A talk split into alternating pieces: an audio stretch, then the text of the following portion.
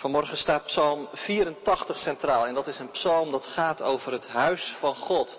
Een psalm vol vreugde ook, als je naar Gods huis gaat en als je naar Hem onderweg bent.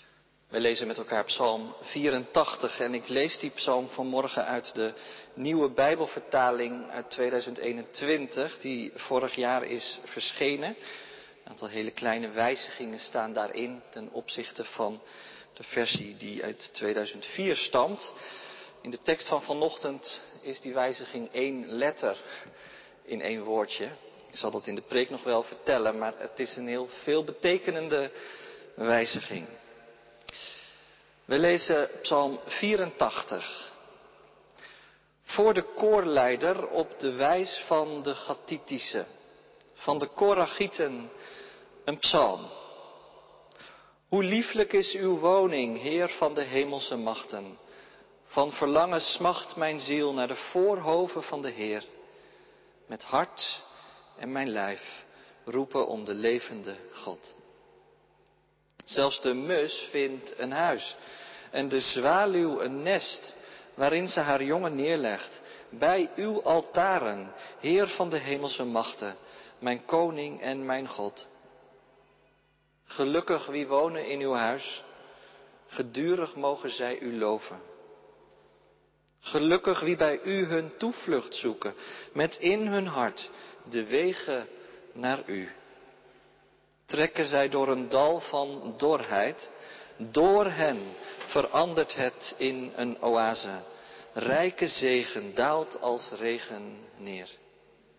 Steeds krachtiger gaan ze voort om in Sion voor God te verschijnen. Heer, God van de hemelse machten, hoor mijn gebed. Luister naar mij, God van Jacob. God ons schild, zie naar ons om. Sla goedgunstig het oog op uw gezalfde. Beter één dag in uw voorhoven dan duizend dagen daarbuiten. Liever op de drempel van Gods huis dan wonen in de tenten der goddelozen. Want God, de Heer, is een zon en een schild. Genade en glorie schenkt de Heer. Zijn weldaden weigert hij niet aan wie oprecht hun weg gaan. Heer van de hemelse machten, gelukkig de mens die op u vertrouwt. Dit is het woord van God en je bent gelukkig als je die woorden leest en ernaar leeft. Deze zomer komen er in de Jacobikerk een heel aantal psalmen voorbij. En dat zijn allemaal psalmen die ook verbeeld zijn in deze expositie Troosten en Verstoren van Jedi Noordergraaf. Dus als je hier te gast bent, of als je nieuwsgierig bent naar de verbeelding van Psalm 84, loop even langs naar de dienst. De prachtige beelden zijn het. En vanochtend heb ik Psalm 84 gekozen. En daar zie je uiteraard een zwaluw. Eh, maar je ziet ook een hart. En als je heel goed kijkt, dan zie je in dat hart bijna een soort plattegrond met allemaal weggetjes. En dat moeten wel die wegen zijn naar God toe, die de psalmdichter in zijn hart heeft. Tekst voor de preek is Psalm 84, vers 6 tot en met 8. En die lees ik nog een keer met jullie door. Daar staat dit, gelukkig wie bij u hun toevlucht zoeken, met in hun hart de wegen naar u. Trekken zij door een dal van dorheid. Door hen verandert het in een oase. Rijke zegen daalt als regen neer. Steeds krachtiger gaan zij voort om in Sion voor God te verschijnen.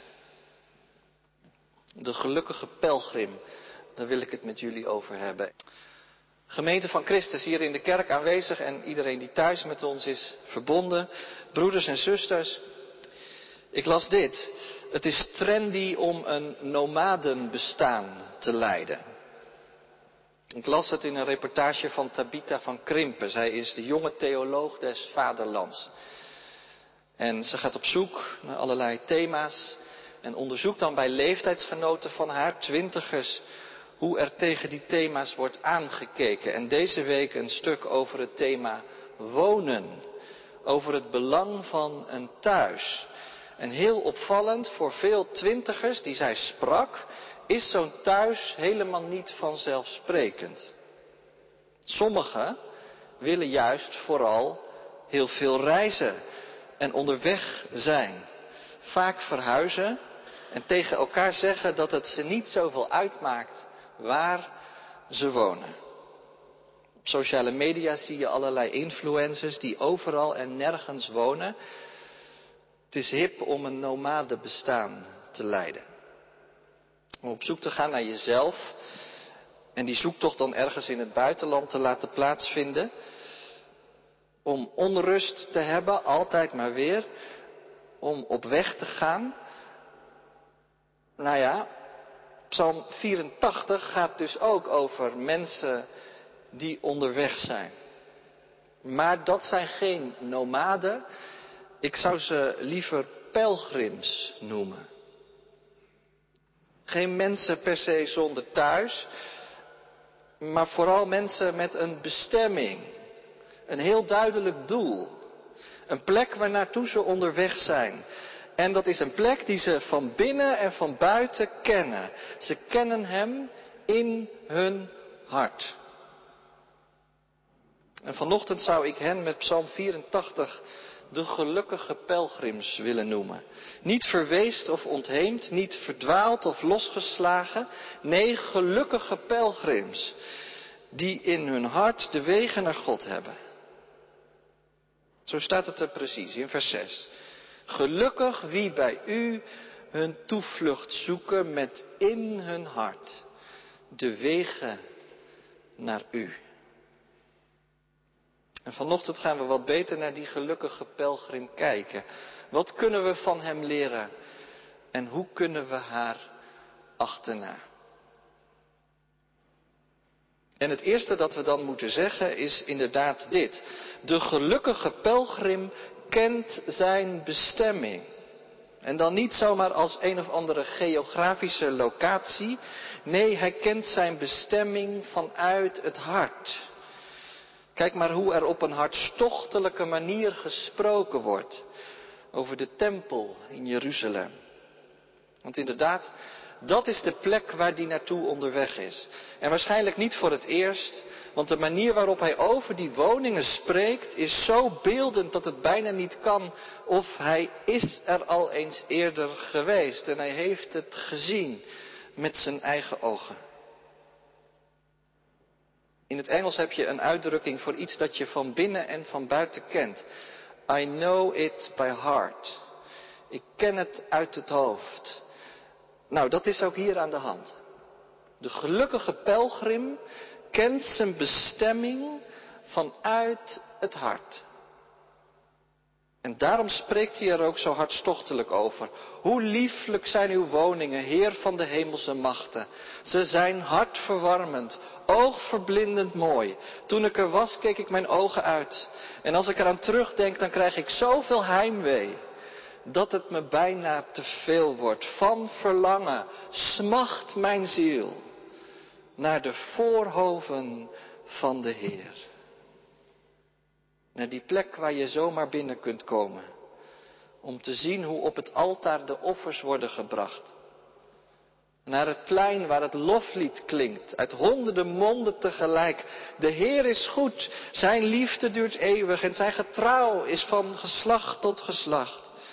Naar de plek waar ik ook zelf, met heel mijn hart en heel mijn lijf, in aanbidding voor God heb gestaan.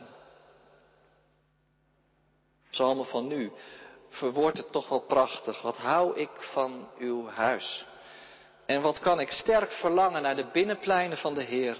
Diep in mijn hart is zo'n heimwee. Zo'n blijvende schreeuw om de levende God.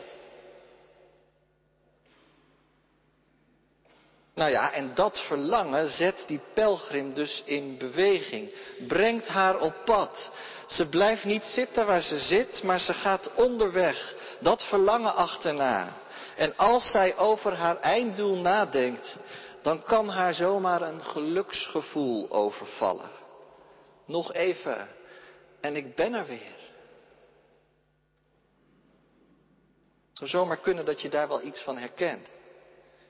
Iets van dat geluksgevoel dat je zomaar kan overvallen als je aan God denkt. Herken je dat? Dat je soms gewoon intens gelukkig kan zijn. Als je bedenkt dat de eeuwige en de almachtige en de heilige God jou kent en op jou betrokken wil zijn. Dat is toch ongelooflijk? En ik weet wel, dat geluksgevoel is er echt niet altijd. Maar soms, soms gebeurt het je, soms valt het je toe. Zomaar. Heel onverwacht. Ik las deze week een mooi stukje bij Psalm 84 in een boek van de bekende dichter Willem Barnard. Hij schrijft dit. Deze psalm gewaagt van de onverklaarbare vreugde die soms geschapen wordt. Steeds verwacht, maar nooit gegarandeerd. Altijd als een verrassing. En even verderop voegt hij er dan nog iets heel veelzeggends aan toe. Want wie valt die onverklaarbare vreugde nou precies toe? Het valt me op, schrijft hij, dat er in de psalm wel vogels als voorbeeld worden opgevoerd, maar geen uitbundige vogels. Geen paradijsvogels en geen nachtegaal, geen zangvogels, geen siervogels. Nee, de mus en de zwaluw. Ik vind dat zeer bemoedigend. Ik herken dat wel. Inderdaad, die mus en die zwaluw die vormen een prachtig stijl. Want de mus staat symbool voor iets dat vrijwel verwaarloosbaar is. Wat kosten twee mussen, vraagt Jezus zich ergens af. Zo goed als niets, maar er valt er niet één dood buiten de wil van jullie vader om. En dan die zwaluw, die staat in de context van toen misschien wel symbool voor rusteloosheid. Altijd maar beweging. Die vogel is altijd in de lucht. Vanaf het vroegste ochtendgloren tot na de zonsondergang. Maar soms, soms komt er een tijd om een nest te bouwen. Zich vredig op te nestelen. Om even tot rust te komen. Waar? Bij de altaren. Beeld van de ziel die onrustig is, totdat de ziel rust vindt bij God. Een nest bouwen in de tempel.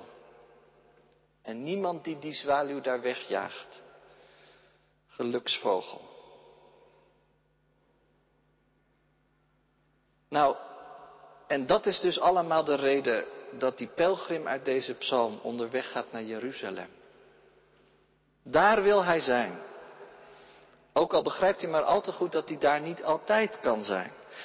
Hij is immers geen mus en hij is ook geen zwaluw. Hij is geen priester en ook geen leviet. Hij woont niet in een klooster om altijd met God te leven. En om altijd maar bezig te zijn met de Bijbel en met het gebed. Nee, hij is maar een heel gewoon mens. Een mens onderweg. Zoals wij allemaal mensen onderweg zijn. Af en toe is die in de tempel, af en toe zijn wij in de kerk. Een mens met beide benen in de wereld. Een mens onderweg en onderweg maak je van alles mee. Dat is wel mooi. Dat is steeds mooi als je in de psalmen leest. Dat er aan de ene kant heel lyrisch gesproken wordt over God en over het leven met God. En dat het aan de andere kant ook vaak zo nuchter is. Echt zoals het leven is. Wat dacht je van dat dal van dorheid uit vers 7? Gelukkig wie bij u hun toevlucht zoeken, met in hun hart de wegen naar u, trekken zij door een dal van dorheid, het verandert in een oase. Letterlijk staat er, trekken zij door het dal van de balsemstruiken. En dat is veelzeggend, want die balsemstruiken die groeien in de woestijn en dat zijn zo'n beetje de planten die het langste zonder water kunnen. Je weet wel van die planten met van die harde stekelige bladeren.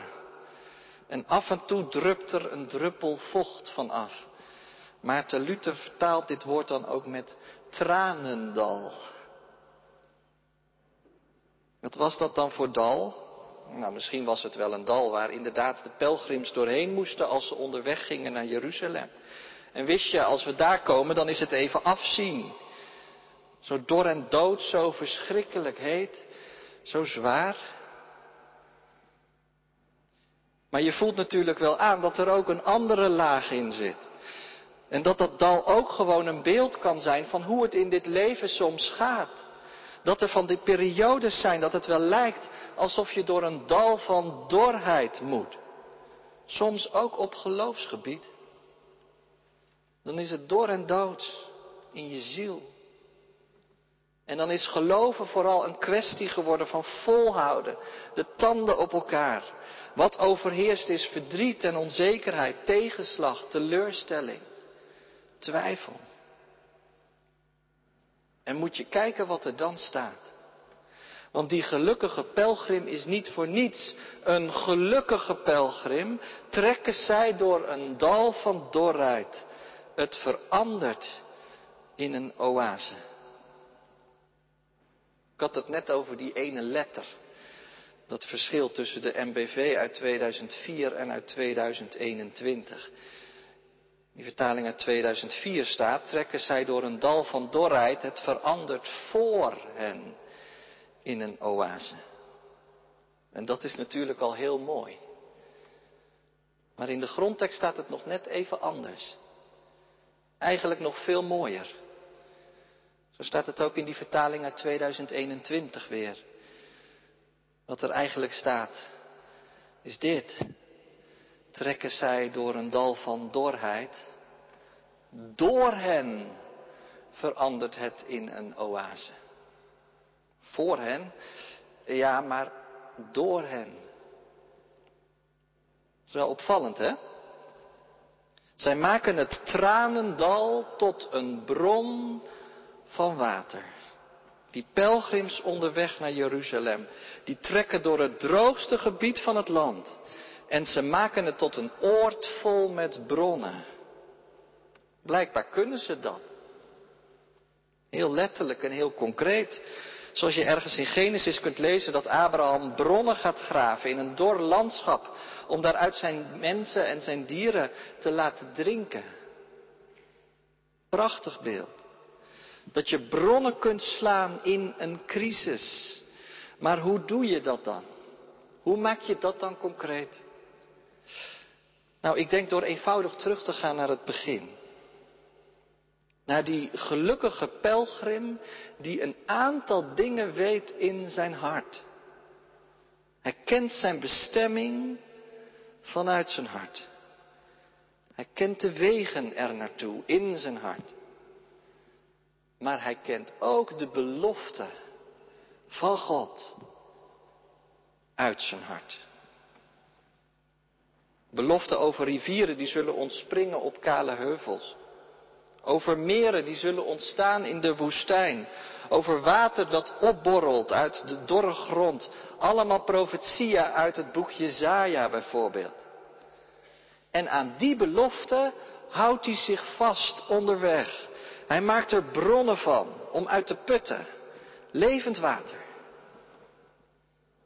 En laat ik dan vanochtend twee voorbeelden geven van bronnen voor onderweg.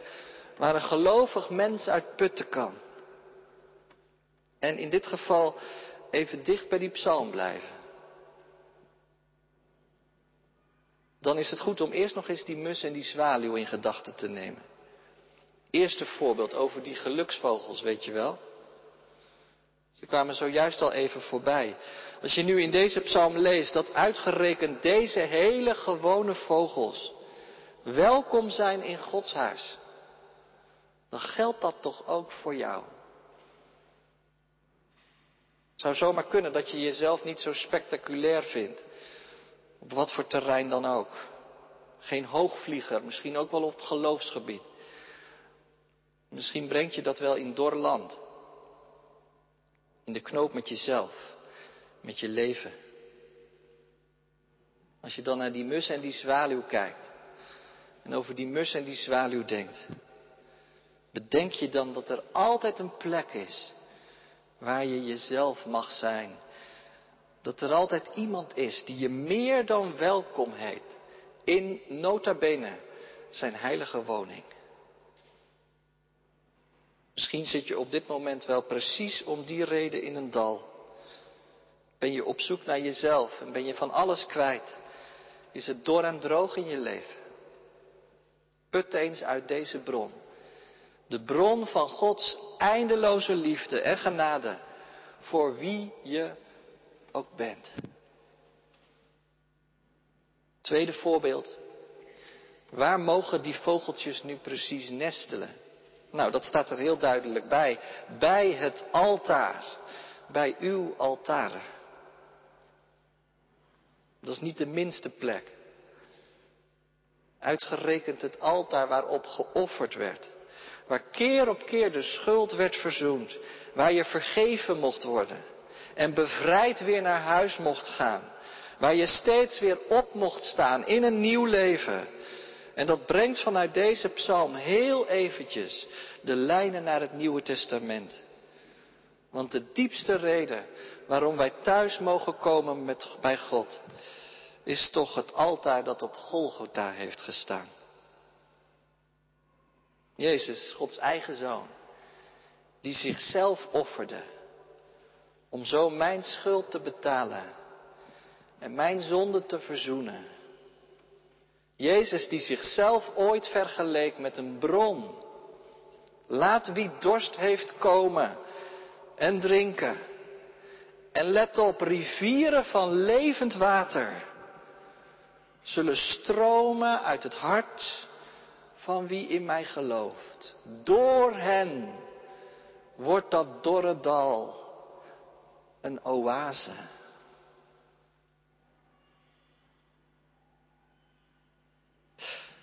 Dus dat is iets van betekenis voor die gelukkige pelgrim zelf, maar ook voor de mensen om hem heen.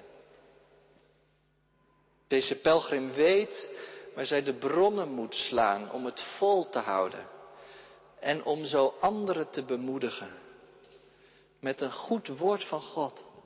Niet bij de pakken neerzitten, maar graven. Op zoek gaan naar de bronnen van levend water en daar jezelf aan laven. En als die er dan blijken te zijn, dan kan het geloof zo helend zijn. Een oase, echt waar. Stromen van zegen staat er in Psalm 84. Waardoor, en dat is dan het laatste, die gelukkige pelgrim steeds krachtiger wordt. Want zo staat het er inderdaad. Steeds krachtiger gaan zij voort om in Sion voor God te verschijnen. Om het in de oude woorden van de psalmberijming te zeggen. Zij gaan van kracht tot kracht steeds voort. Van pelgrimeren word je blijkbaar geestelijk sterk. Sinds ik in de Jacobikerk werk, spreek ik regelmatig met pelgrims. Een paar keer per maand wel gaat de bel en dan staan er één of twee voor de deur. Pelgrims die het Jacobspad lopen. Soms zijn ze van plan om helemaal naar Santiago de Compostela te gaan. Een route van bijna 2000 kilometer hebben ze nog voor de boeg. En ik nodig ze altijd even binnen voor een kop koffie. Soms hebben ze zelf ook echt wel de behoefte om in de kerk de stilte te ervaren. En als ik dan hun tassen zie staan daarachter in dat gangetje, soms ook van die wandelstokken erbij, dan denk ik vaak dat moet toch best wel vermoeiend zijn, zo'n reis. Zegt misschien ook iets over mij. Maar niets is minder waar.